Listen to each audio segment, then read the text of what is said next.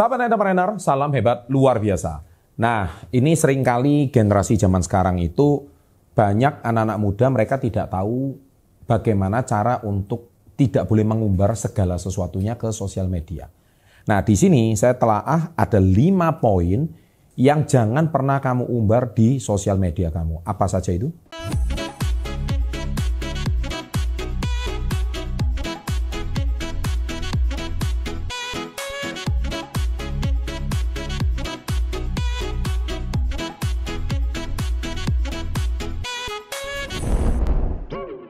Baik, nomor satu. Yang jangan pernah kamu umbar ke sosial media kamu adalah nomor satu, permasalahan cintamu. Nah ini dia. Kenapa saya mau katakan demikian? Karena nobody cares ya menurut saya. Nggak ada yang peduli. Kalaupun ada teman yang peduli dengan permasalahan cinta kamu, kamu lagi ribut sama pasanganmu, kamu lagi ribut sama pacarmu, kamu lagi ribut sama pasanganmu dan kamu umbar semuanya di sosial media, itu kan sama aja membongkar aib. Itu akan menjadi santapan. Ada sih dua jenis golongan teman. Satu, mereka peduli. Apa sih yang bisa aku bantu? Paling mereka ngomongnya di kolom komen atau di DM atau di WA. Ada juga yang tipe kedua, Anda semakin mempertunjukkan kualitas diri Anda. Oh rupanya masalah kamu itu seperti itu. Sekarang saya mau tanya sama Anda, siapa sih manusia yang nggak punya masalah? Semua manusia punya masalah. Bedanya mereka mau dibongkar atau enggak ke publik. Kalau tidak dibongkar ya mungkin menjadi aib keluarga, mungkin menjadi masalah, tetapi ada yang menjadi santapan publik. Kalaupun menjadi santapan publik, kita juga sudah tahu bahwa setiap orang punya masalah. Tapi sebaiknya jangan umbar masalah percintaan kamu. Kenapa? Gini, kalau Anda mengumbar masalah percintaan Anda di sosial media kamu, itu nanti akan berpengaruh sama masa depan Anda. Misalkan, Anda hari ini mau mencari pekerjaan lebih baik. Anda hari ini mau membangun hubungan partnership lebih baik anda mau menemukan reseller yang baik. Anda hari ini mau menemukan partner usaha. Anda hari ini mau meningkatkan portofolio Anda supaya pekerjaan Anda itu next time punya kalau Anda mau melamar kerjaan yang lebih baik. Bos Anda tidak akan pernah peduli dengan permasalahan cinta kamu gitu. Dan di situ semakin menunjukkan ketidakdewasaan Anda dan ketidakmatangan Anda dan kegalauan Anda. Dan mereka tidak mau, bos mana yang mau mempekerjakan orang galau? Tidak ada. Bos, saya minta pekerjaan bos. Nggak peduli, kamu siapa? Tolong dong kasih saya pekerjaan. Nggak ada orang mau tahu menyelesaikan masalah kamu. Yang mereka mau tahu adalah apakah kamu bisa memberikan solusi bagi usaha mereka. Nah itu dia. Jadi sering kali ketika Anda mengumbar permasalahan kamu di sosial media, itu semakin memperburuk portofolio Anda. Semakin menyulitkan karir Anda kelak. Ya, jelas ya di sini ya. Nah, celakanya Anda mengumbar masalah cinta, ditanggapi pula sama orang galau. Nah orang galau memberikan kenyamanan, akhirnya Anda pacaran lagi dengan orang galau kedua. Ketika Anda pacaran lagi dengan orang galau kedua, akhirnya Anda menemukan orang galau berikutnya. Iya kan? Nah ketika Anda menemukan orang galau berikutnya, apakah hari ini masalahmu selesai? Ya setahu saya tidak. Jadi lebih baik diam saja. Kalaupun Anda punya masalah internal, ya sudah dibicarakan internal. Tidak perlu diumbar di sosmed. Oke? Itu pesan dari saya. Yang kedua, semua kekayaanmu. Ya gue tahu kamu kaya. Kamu beli iPhone baru, kamu posting.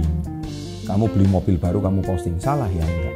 Tapi semua kekayaan kamu, kamu posting. Loh, gila atau apa? Kamu pernah nggak lihat konglomerat memposting kekayaan mereka? Nggak ada yang memposting selalu media lain. Mereka sendiri nggak pernah memamerkan kekayaannya. Yang memposting kan pihak ketiga. Itu ya, itu yang kedua ya. Yang ketiga adalah rencana besarmu. Kenapa jangan posting big plan? Karena Anda nggak perlu sesumbar dulu. Karena nanti kompetitor Anda akan melihat. Orang yang senang dengan Anda akan melihat. Jadi big plan kamu itu disimpan. Jangan diposting di sosial. Saya nanti akan bangun ini, bangun ini. Nggak usah. Diam-diam tiba-tiba jadi. Kalau seperti itu, saya percaya tiba-tiba orang langsung shock. Wow, ngeri banget. ya kan? Nah, yang keempat, pendapatanmu. Lah ini gila. Iya kalau income sudah pasti resmi bayar pajak. Nah kalau income kamu, kamu cuman posting itu apa sih income kamu? Tujuannya apa? Mau pamer sama teman-teman? Mau nunjukkan kamu lebih dari mereka supaya kamu merasa puas. Loh kan ini duit-duitku sendiri Pak Chandra. Kan boleh dong saya posting income kamu. Gini sih, setahu saya banyak teman-teman saya atau circle saya orang-orang yang mereka yang sudah kekayaannya itu levelnya triliunan, bukan level miliaran lagi, mereka nggak pernah itu posting income-nya gaji bulanannya nggak pernah. Nggak seperti kamu gitu loh. Nah itu menurut saya kelihatan banget you are still a childish, Anda masih kekanak-kanakan. Jadi biar aja orang yang menilai. Oke? Yang kelima adalah kebaikanmu. Jadi jangan pernah memposting kebaikanmu. Aku telah nulung orang. Aku ini hari ini Loh Pak, kan tujuannya itu menginspirasi. Betul. Tapi kalau bisa yang menunjukkan kebaikanmu, pendapatanmu, pencapaianmu, kekayaanmu, itu orang lain, bukan Anda. Atau pihak ketiga. Itu jauh lebih bagus. Ketika yang memposting pihak ketiga, maka orang lain akan melihatnya netral dan Anda tidak pernah mengumbar itu. Ketika Anda mengumbar itu sama aja publik akan tidak siap dan mereka mencap diri Anda sombong. Kalau orang yang positif thinking, mereka akan menganggap itu inspirasi. Tapi menurut saya tidak perlu. Biarkan orang lain yang mengulas. Ya, cukup jelas ya? Nah, jadi oleh sebab itu, bila Anda mau sukses before 30, ini adalah tips-tips yang sangat menarik. Karena anak-anak muda sering kali tidak paham dan tidak jeli masalah lima hal yang sebaiknya jangan diposting di sosial media ini.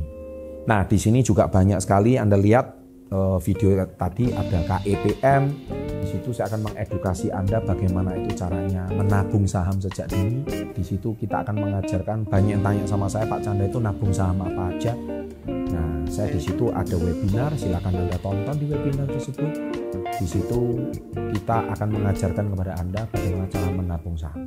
Oke? Nah, saya rasa video kali ini cukup sampai sini-sini. Jangan lupa like-nya, ada dua video lagi silahkan ditonton. Dan sampai jumpa di video berikutnya. Sukses selalu dan salam hebat luar biasa.